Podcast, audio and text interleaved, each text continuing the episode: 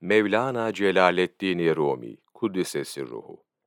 Mevlana Celaleddin Rumi Hazretleri, sıdkı tam, yani en mükemmel, noksansız bağlılık yönünden aşkın sonuna ulaşmış bir veli olarak, istirahat ettiği ve uyku uyudukları görülmemiştir. Açlığı son haddine ulaşmıştır. Tam 40 sene, benim midemde bir gece yemek bulunmadı buyurmuştur.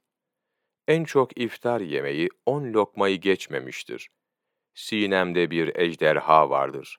Onun gıdaya tahammülü yoktur. Oruç sofrası, sırrın sevdasını arttırır.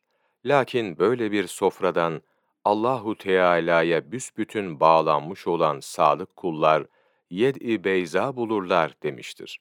Onun için hakiki oruç Allahu Teala'dan başka her şeyi terk etmek olup kendisinde hasıl olmuş bir haldir.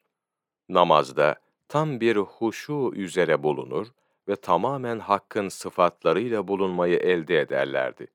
Namaz Allahu Teala'ya kavuşmadır. Fakat bu kavuşmanın ne şekilde olduğunu zahir ehli bilmez buyurmuştur. Bu yüzden mihrabı dost cemali olan kimse için yüz çeşit namaz, rükû ve sücud vardır demiştir. Vera ve takvası yani şüpheli ve haramlardan kaçması o dereceydi ki lisana gelmezdi, açıklamaya sığmazdı. Takva, nefse ait zevkleri terk etmektir buyurmuştur. Mevlana Celaleddin Rumi Kuddisesi ruhu, her şeyden önce olgun, alim ve veli bir Müslümandır. Hazreti Mevlana'yı yalnız bir mütefekkir, şair, hümanist gibi düşünmek ve öylece anlamaya çalışmak, asıl varlığı bırakıp herhangi bir özelliği içinde sıkışıp kalmaya benzer.